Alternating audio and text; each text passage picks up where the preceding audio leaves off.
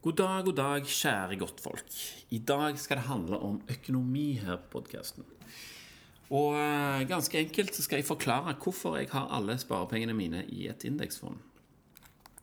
Når familien min og meg flytta til Sauda for snart eh, tre år siden, så fikk vi ikke bare en større bolig med fantastisk utsikt og stor hage. Vi fikk òg én million mindre kroner i lån å betale for. Score! Istedenfor å ta dette her ut i økt forbruk, så valgte vi å ta utbytte i tid. Barbro fikk en jobb i barnehage, 60 stilling, mens jeg etter hvert fikk en stilling på ca. 40% i svømmehallen. Vi vet ganske nøyaktig hva vi har av utgifter, og betaler et fast beløp til en regningskonto og et fast beløp til en matkonto hver eneste måned. Og de pengene der dekker òg ting som veiavgift, NRK-lisens og sånne ting som dukker opp, og en buffer for eventuelle uforutsigbare kostnader. Vi betaler inn like mye hver og gjør stort sett som vi vil med resten av det vi eventuelt har til overs. For min del så er det faste beløpet nesten på kroner det samme som jeg får utbetalt for min faste stilling som eh, badevakt i Saudehallen. Og for at en ufaglært stilling på 40% i kommunen skal strekke til, så er, så er vi nødt for å ta noen grep. Ikke bare må vi ta noen grep, men du må gjøre det til en vane å gjenkjenne grep en kan ta. Og En av de tingene som jeg da vil gjøre noe med, det er selvsagt pensjon. Det blir ikke rare pensjon av så lite jobbing, så jeg har innforstått med at eh, pensjon det er noe jeg sjøl har ansvar for. Men hva i all verdens land og rike skal jeg gjøre da? Det hagler jo med tips så mye at du blir helt handlingslamma. Alle vet at de bør gjøre det, men det er ikke like åpenbart hva. Heldigvis ser ikke jeg på reklame lenger, så jeg blir ikke forvirra av alle de beroligende reklamene om hvor lett det er å spare til pensjon. Tidligere var jeg veldig forvirra, og da hadde jeg heller ikke noe sånn ja, godt forhold til penger. Eh, og når jeg sier ikke noe særlig bra forhold til penger, så er egentlig det basert på de holdningene som jeg har nå. da.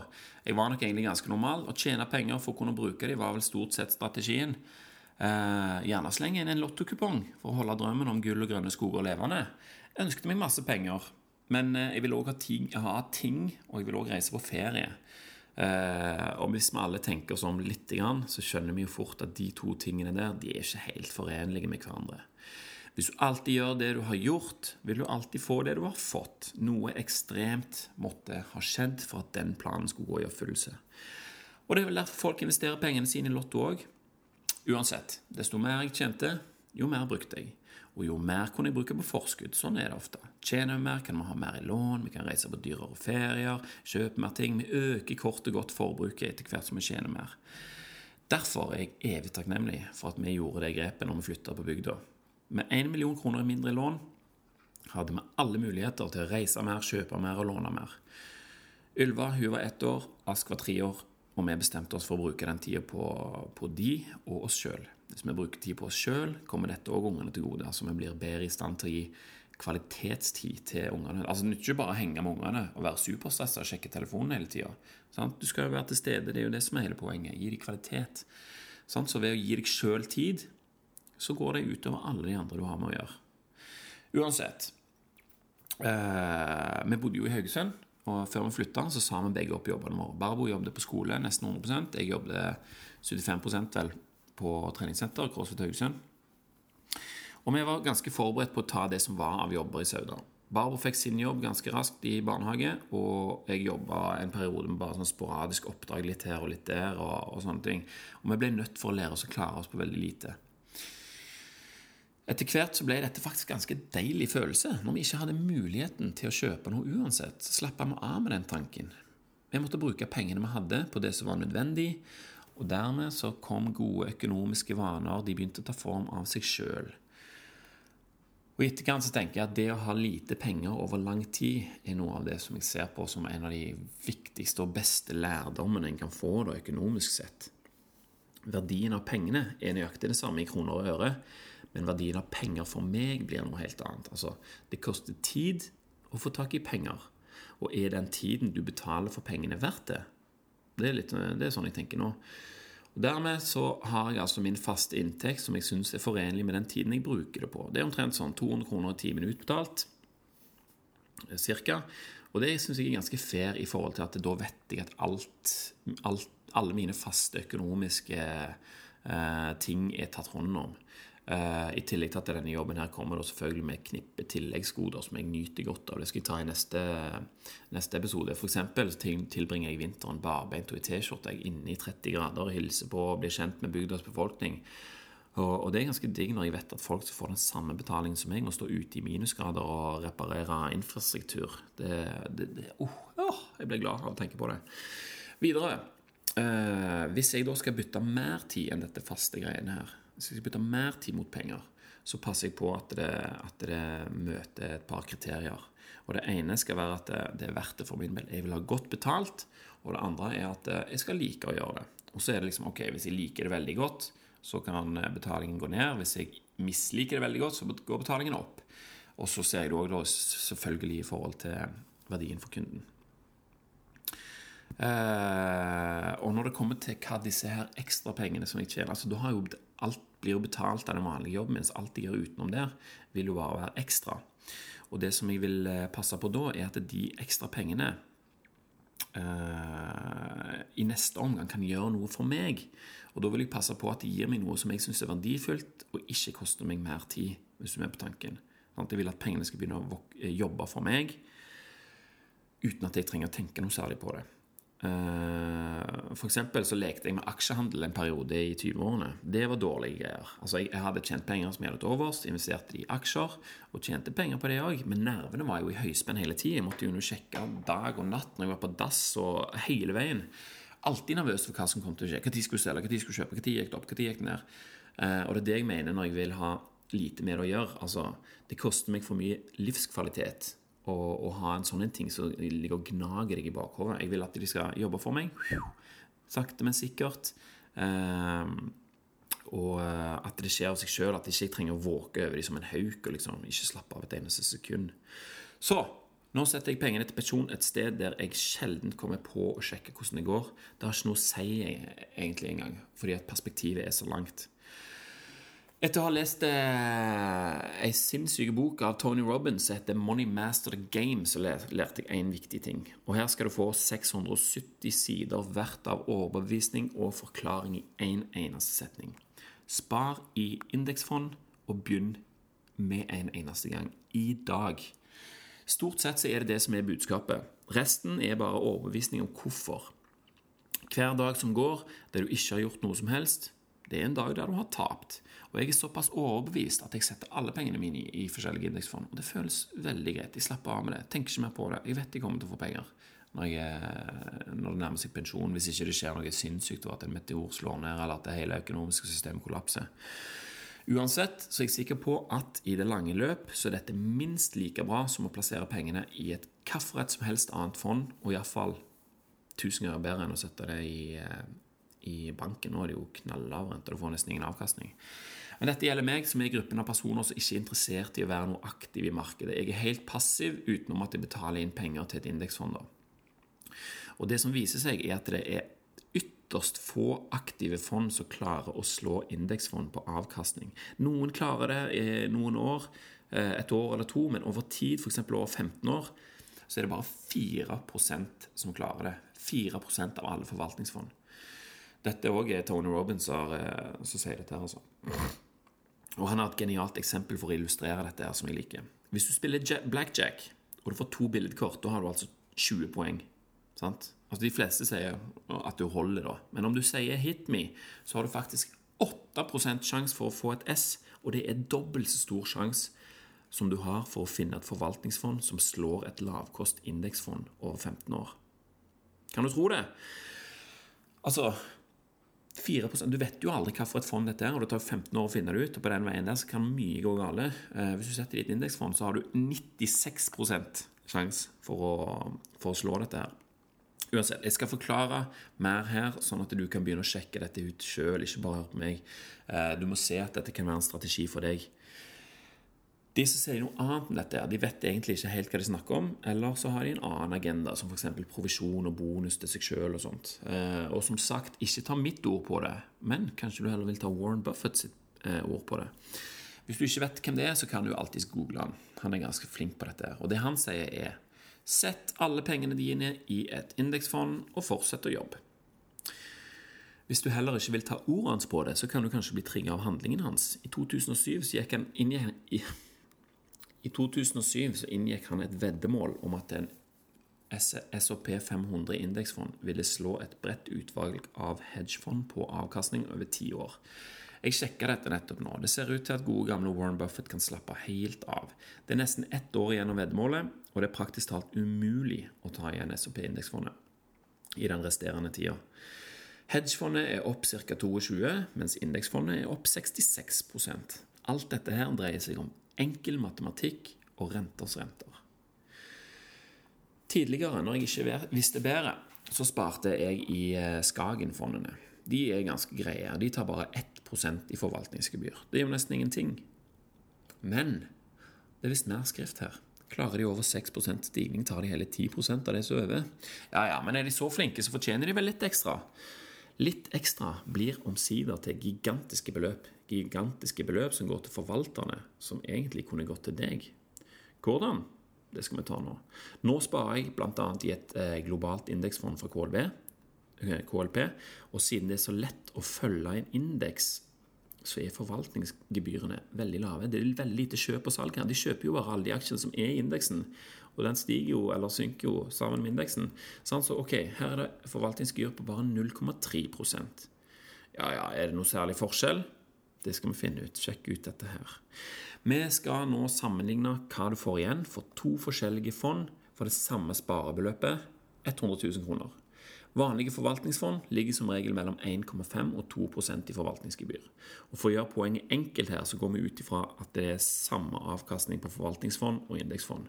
Det hender jo selvfølgelig at forvaltningsfond slår indeksfond, men over tid viser det, viser det seg at det ekstremt sjelden skjer. Og iallfall når vi tar eh, hensyn til forvaltningskostnadene. Og Dette her er jo bare et eksempel for å vise hvor stor forskjell det er på 0,3% og 2% forvaltningsgebyr. Det var 1,7% i året. Men sånn 1,7% høres lite ut. Men eh, vi skal se nå. Og For enkelhets, enkelhets skyld så har jeg satt 10 avkastning her for å gjøre matten enkel. Eh, det kan jo selvfølgelig være mer eller mindre, men bare et eksempel her. Ok, 100 000 kroner. Sett det inn. 0,3 rente. Etter ti år så har du 252 000 kroner. Det har steget med 2,5 på ti år. Uh, og i det fondet som har 2 så har du 215 000. Nå runder jeg av til hele 1000. Jeg ikke si alle de tallene der. Det er 36 000 kroner i forskjell. 36 000, ja vel. Er det så mye? Ja ja. 36 000, det er jo litt det òg. Men uansett, la oss se hva som skjer når du kommer til 20 år. 636 000 i indeksfondet. 466 000 i forvaltningsfondet. 170 000 kroner i forskjell. På 30 år så har du 1,6 millioner kroner i indeksfondet, mens du bare har 1 million i forvaltningsfondet. 600 000 kroner i forskjell. Og hvis du begynner tidlig og rekker å spare i 40 år, så har du altså 4 millioner etter 40 år på indeksfondet, mens på forvaltningsfondet har du 2,1 millioner. Altså det er nesten dobbelt så mye bare på denne forskjellen her på 1,7. Hvis du skal ta det helt ekstremt og si at du begynner tidlig, når du er ti år, begynner å spare sette inn 100 000 da 10 240 000 på indeksfondet. 4 690 000 på forvaltningsfondet. 5,5, over 5,5 million kroner i forskjell. Altså Du sitter igjen med under halvparten. Og dette er snakk om et engangsinvestert beløp på 100 000 kroner. Forskjellen er gigantisk, i hvert fall for bankene. De har masse kunder som gjør dette. her. Og uh, her i den teksten her så har jeg linka til en sak fra 2016 uh, eh, i et uh, økonomiavis, tror det var NA24 eller noe sånt. Men der står det i alle fall at Forbrukerrådet de vil saksøke DNB fordi de hadde solgt et fond til sine kunder som et forvaltningsfond med opp med 2% gebyr. Forbrukerrådet mente at dette var i realiteten et indeksfond, og at DNB hadde krevd inn nærmere 750 millioner kroner urettmessig fra 137 000 kunder. Fondet var for lite aktivt i forhold til at det var et forvaltningsfond. Dette ble det raskt penger av, og det er heller ikke noe nytt. Skapindeksfond kalles det. Og uh, Gunnar Stavrum han skriver mer om det i bloggen sin fra, 2014, som jeg òg har linka til på, på teksten. Hvis du vil inn og sjekke, så bare går du inn og trykker på det. Forvalterne har altså så god tro på indeksfond at det rett og slett ikke er vits å forvalte noe særlig. Hele poenget med indeksfond, sånn jeg forklarer det, er jo at det slår forvaltningsfond, ikke pga. at det går bedre enn indeksen, men pga. at det har så lave gebyr som over tid får enorme betydning for totalen. Og det med rolige nerver, du kan slappe av ah, Du er ikke stressa. Som jeg sa, begynn i dag, men hva hvis markedet går ned? Igjen kan du slappe av. Det har gått ned én gang i året gjennomsnittlig de siste 130 årene. Dette er cirka, det er ikke helt fakta, men røftlig regna. Du kan jo gå inn og sjekke det sjøl. Poenget er i alle fall at det skjer omtrent en gang i år, en, en, liten korreksjon. Og så skjer det en gang hver femte til syvende år skjer det et sånt såkalt bear market, altså et krakk.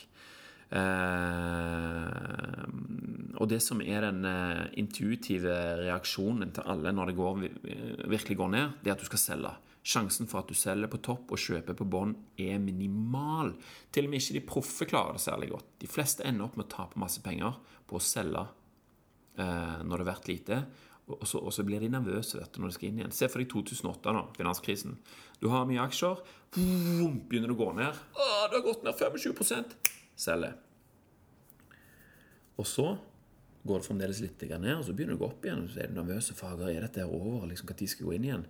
Og så har du den der uroen som du som hindrer deg til å gå inn igjen fordi at du er redd for å tape enda mer. Dermed så gikk du glipp av den gigantiske oppturen som kom etter det krakket. Den største oppturen. Den oppturen, den oppturen som vi har nå, er den lengste i historien. Og den har du gått glipp av hvis du solgte i finanskrisen i 2008. Sånn, altså Du blir skremt, og da er du inne på usikkerhet, og så lar du være med hele greia, og så har du pengene dine i banken istedenfor, som gir en minimal avkastning. Uh, Istedenfor så er det den eneste ting du bør gjøre når det går ned, det er å kjøpe mer andeler, samtidig så du jubler, for du får jo billige aksjer på salg her. Det kommer til å gå opp igjen. Det gjør alltid det. Dette er langsiktig sparing vi snakker om. Pensjon. Altså, du betaler deg sjøl din fremtidige lottogevinst. Faktisk vil jeg råde alle som spiller penger, på å heller satse det i indeksfond og være 99% garantert gevinst. I forhold til altså ei lottorekke. Vet du hva sjansen er for å vinne Lotto? 1 mot 5 379 616. Og for de som tror at eh, ja, jeg bare vinner den superlottoen, så er det greit. Ja, Da er sjansen 1 til 250 millioner. Lykke til! Hvis du har 200 000 kroner spart til nå, setter de inn indeksfond, sparer 2000 kroner til hver måned i 30 år, så har du i det minste 3,7 millioner spart. Og det er med en beskjeden avkastning på 7% mest sannsynlig blir det mer. Og det du har brukt av dine egne penger, du har brukt 920 000 av dine egne penger. Og gevinsten du sitter igjen med, det det har vokst bare liksom bonusen renters renter, er på 2 708 000 kroner. Kun i renters renter. Så har de banken, så er det ganske mye mindre. Hvis du har det i forvaltningsfond, så er det ganske mye mindre der òg. Jeg har en penn i pennalhuset mitt. Jepp, jeg har et pennalhus, jeg. Akkurat et sånt gammelt skinnpennal. Det er konge. Der oppe ligger bankbrikker mi og noen penner og fyrstikker og denne her. Uansett, oppi der så ligger det en penn som det står Norsk Tipping på. Jeg har stjålet den på jobben. Innrømmer det. Men på den pennen så står det en ting. Livet er morsommere for den som spiller. Morsommere for hvem? Det er nesten det samme som å si at det er morsomt å kaste sine hardt tjente penger ut av vinduet. Det det burde stått, er 'kast penger ut av vinduet, og forvent at det kommer ei krogene flygende tilbake med en gullbar til deg, vær så god'. Klart det kan være gøy å spille. Brød og sirkus er gøy, det. Men nok penger og frihet når du blir eldre, det høres ikke så ille ut, det heller. I 2012 så spilte nordmenn pengespill for to og en halv ganger mer enn hva vi sparer i fond for, ifølge den artikkelen som jeg også har linka til her. Og I den artikkelen står det også at Norsk Tipping eh, de syns ikke det er noe problem, og at de anser seg som en del av underholdningsbransjen. Hva vil du heller være? En som setter pris på brød og sirkus nå, eller vil du være garantert før, førtidspensjonist? Eller vil du være garantert førtidspensjonert millionær? Det er jo ikke enorme summer det er snakk om her. Det som det er snakk om, det er å komme i gang. Jeg så et annet eksempel her. Jeg trenger ikke skillehenvisning engang, fordi det, det, er bare rent matematisk. Men Tony Robins, dette her òg. Det beskriver kraften av renters renter, eller ja, avkastning og avkastning, og hvor mye dette her mementet eh, kan bygge bare du gir det litt tid. Se for deg at du sparer et fast månedsbeløp fra du er 19 til du er 27. 1000 kroner i måneden på åtte år. Da har du brukt 96 000 kroner av dine egne penger. Hvis du starter når du er 27 og fortsetter til du er 67, har du brukt 360 000, altså 264 000 kroner mer. Sant? Men du har gjort dette over 30 år istedenfor 8 år. Og Hvis vi da forutsetter 10% avkastning og 0,2% kostnad i fondet for enkelhets skyld Vi skal jo bare vise et eksempel her. sant? Førstemann som sparte i 8 år og betalte 96 000 kroner, sitter igjen med 6 millioner kroner, 33 000. Mens andre mann, som sparte i 30 år og betalte 360 000 kroner, sitter igjen med 5 293 000.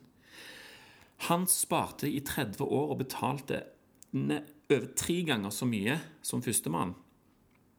Sitter igjen med mindre penger enn han som begynte tidlig. Det viser den enorme viktigheten av å komme i gang. De som ikke kommer i gang, de får jo ingenting. Ok, jeg har ikke spart siden jeg var 19. Dessverre. Men jeg kan si deg hvordan jeg sparer nå, i det minste. Altså, Vi må jo alle bare innse at eh, vi blir jo ikke noe yngre. Det er jo bare å komme i gang. Uh, det spiller jo ingen rolle om du vet alt mulig om hvordan du skal gjøre noe. Det er, jo, det er jo når du faktisk gjør noe, at det har noe å si. Og jeg er en person som gikk fra å bruke alt jeg tjente på altså Jeg betalte jo hus og bil, og alt sånt, men resten brukte jeg på VAS. Så gikk jeg til å ikke bruke noen ting, og av det lærte jeg mye fordi at jeg ikke hadde noen ting. Sant? Hadde ikke noe ekstra. Og av det så lærte jeg mye om verdien på penger og hva det kan brukes til. Så da har det blitt som følger. Jeg sa tidligere at jeg akkurat dekker mine faste kostnader med jobben min som badevakt. Det viser seg at det stemmer ikke helt. Jeg har òg et festelån for ungdomssida som jeg fremdeles betaler ned på. Festelån, hva er det for noe, spør du kanskje deg sjøl om nå. Det skal jeg si deg, det har ingenting med festetomt å gjøre, og det er ikke et lån med festerente heller. Det er et lån jeg tok opp i studietida sånn at jeg kunne feste hele tiden istedenfor å gå på skole. Jeg var på, påmeldt noen økonomistudier på BI, men det betyr ikke at jeg kan noe om økonomi. Det betyr at jeg kan feste. Droppe ut av det studiet lenge før noe som helst var ferdig. Uansett, jeg betaler litt over 1000 kroner i måneden på det lånet. Alle utsettelser fra eh, Lånekassen har jeg selvfølgelig for lengst brukt opp. Så det vil si at hver eneste måned så er jeg nødt til å finne en måte å skaffe minst 1000 kroner på. I starten så var dette òg en utfordring, men nå ser jeg det som en uh, kjempemotivasjon. Det er ikke så mye skal til heller, hvis du er vant med å, å se etter grep og muligheter, sånn som jeg sa helt uh, innledningsvis. Det kan være hva som helst. Snømåking, trening, svømmeopplæring for innvandrere har jeg nå, f.eks. Et foredrag her og et ekstra skift på jobben der. Så er festelånet i boks for lengst. Når det er betalt, og det er mer igjen, så bruker jeg halvparten av alt jeg har igjen etter jeg har betalt festelånet, setter jeg i indeksfondet. Og hvis jeg da har mer penger igjen på slutten av den måneden, så setter jeg resten av det òg inn der. Da unngår jeg laurbærskviling, og jeg kommer nærmere å ta igjen 19-åringen min som begynte å spare allerede da. Skjønner du hva jeg mener? Jeg setter inn mer der, sånn at jeg er på null hver måned, sånn at jeg er nødt til å være motivert for å skaffe meg mer penger denne her måneden òg. Og det vil føre til at det er litt mer jobbing, litt mer jobbing, plutselig er det mer og mer og mer. Pum! Rett inn i indeksfondet og der fortsetter pengene å jobbe for meg. I 2013 sparte nordmenn i gjennomsnitt 1594 kroner til pensjon, ifølge en artikkel jeg har linka til her. Og Det står òg at om du begynner i 30-årene, så kan det være nok, men ikke om du er mye eldre enn det. Og I fond sparer vi gjennomsnitt 4500 kroner i året. De færreste av det i indeksfond. Åh, det er så digg å vite. Selv om jeg tjener aldri så lite penger, så sparer jeg fremdeles mer enn de aller fleste på en måte som utklasser sparing i kontanter og overgår, overgår sparing i vanlige forvaltningsfond. Alle kan gjøre dette her. Bare finn noe du ikke vil bruke pengene på lenger, og begynn å sette de pengene i indeksfond istedenfor. Helt til sist vil jeg bare understreke at dette er ikke noe råd som jeg gir til deg, eh, selv om jeg sikkert har sagt det i løpet av denne eh, episoden her. Eh, det som er meninga her, er at jeg skal forklare deg hvordan jeg ser ting, og så har jeg forklart òg hvordan jeg gjør ting basert på det. Nå er det opp til deg å sjekke hvordan dine penger forvaltes, og om det kan være lurt å endre på det. Mye mer om dette kan du lære også på å søke på internett, eh, eller du kan få det banka inn den lange veien med boka til mannen med verdens råeste stemme, Tony Robins. Boka heter 'Money Master the Game'. Den er tjukk, men eh, absolutt verdt det. Han er nå òg ute med en eh, langt tynnere versjon av denne boka, som heter 'Unshakeable'. Den holder jeg på å lese nå. Jeg er ikke helt ferdig, men jeg føler meg ganske trygg på å anbefale den. Den heter 'Unshakeable' fordi du ved å følge liksom de enkle rådene og de grunnene som du får i den boka der, at du da skal liksom bli upåvirka av endringer i markedet, og om du mister jobben og, og sånne ting. da Uh, og så må du huske at dette her er amerikanske bøker, så det er mye prat om sånn 401K-plans og taxes og alt sånne ting. Det er jo litt annerledes i Norge, men allikevel så er det absolutt verdt tiden det er investert. Det er jo du som skal tjene på dette her. Og husk det holder ikke å vite om at det fins ei bok der svaret er. Og det holder ikke å kjøpe boka heller. Du må lese den. Og det holder ikke å lese boka heller. Du må jo gjøre det som står der, da. Så det er din oppgave nå. Er det én ting jeg skulle ønske jeg gjorde annerledes, så er det at jeg starta med dette for lenge siden. Det er sjokkerende få som vet om dette. Alle jeg spør, er sånn ja, det kan ikke være så mye forskjell. 1,7 ja, det er jo ikke så mye. Sånn. Alle sier det samme. Eh, de vet ikke hva forskjellen faktisk er. Jeg elsker jo å fortelle og forklare om det, om nye og gamle oppdagelser til mine nære. Og det er jo det er fordi at jeg vil de godt. Jeg vil jo at de òg skal være med på dette. At de òg kan få en god pensjon og, og istedenfor å sløse vekk pengene sine. At de kan få det til å vokse på samme måte som, eh, som meg, da. Men det er ikke så lett å få med voksne mennesker på notene. I hvert fall ikke hvis de har en spareavtale allerede. Hva er det med de greiene der? Nei, ja, jeg har nå en avtale jeg liker å i banken. Jeg sa at dette var bra greier, liksom. Og ja, ja, ja. Altså, De kan til og med være helt e- enige og skjønne poenget uten å, å gjøre noe med det. Er du òg sånn? Har du òg tenkt å la den informasjonen bare være en ting som du har hørt om? Ja, jeg hørte om det der indeksfond-greiene, men ja, jeg hadde nå allerede en avtale, så da fortsetter du å betale for provisjon til forvaltere som ikke gjør annet enn å gi deg et dårligere produkt for høyere, pris, for høyere pris. Det diskuteres på internett om hvem som sa følgende If you can't explain it to a six-year-old, you don't understand it. Om det var Richard Feynman eller Albert Einstein eller ingen av de som sa det, det spiller ingen rolle. Det er et glimrende sitat uansett. Og jeg er jo så heldig at jeg har en helt egen seksåring til disposisjon. Hvis du har det, så bør du øve deg. Prøv å forklare dem dette her med indeksfond. Se om du har forstått det. Min seksåring han får iallfall gjennomgå, for å si det sånn. Jeg har øvd meg på å forklare eh, masse forskjellige ting eh, som jeg setter pris på nå i livet mitt, som jeg skulle ønske jeg visste tidligere. F.eks. dette her. Jeg har tidligere forklart den konseptet med utleiehus. og Da har jeg forklart at vi kan låne penger av banken for å kjøpe et hus som vi da kan leie ut, og at det, det, koster betale, det det koster å betale i lån, kommunale utgifter osv., det blir betalt av de som leier huset. Og det som blir til over, skal vi beholde litt av, og så kan vi bruke resten på å holde huset ved like.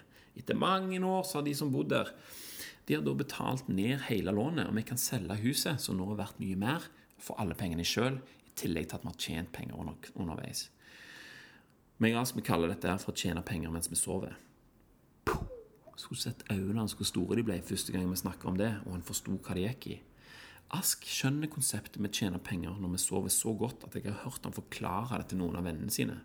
Han skjønner det bedre enn noen voksne jeg har forklart det til. Uh, og du vet, tidligere så sa jeg at det var én ting jeg skulle ønske jeg gjorde annerledes. Og det var at jeg hadde begynt tidligere å spare i indeksfond. Det kan jeg dessverre ikke gjøre noe med. Men vet du hvem den eneste personen jeg kjenner som setter halvparten av alle sine penger i indeksfond, er? Det er Ask. Ha-ha-ha, han er seks år. Begynn i dag å spare indeksfond. Ask leder med deg over flere tiår allerede. Kom i gang. Få det til å skje.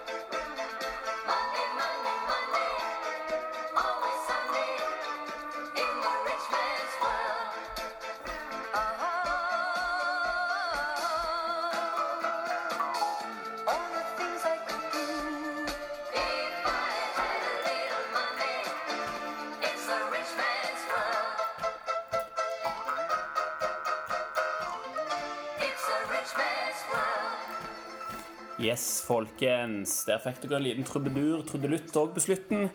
Da vil jeg bare si takk for i dag, for at du hører på podkasten. Tusen hjertelig takk.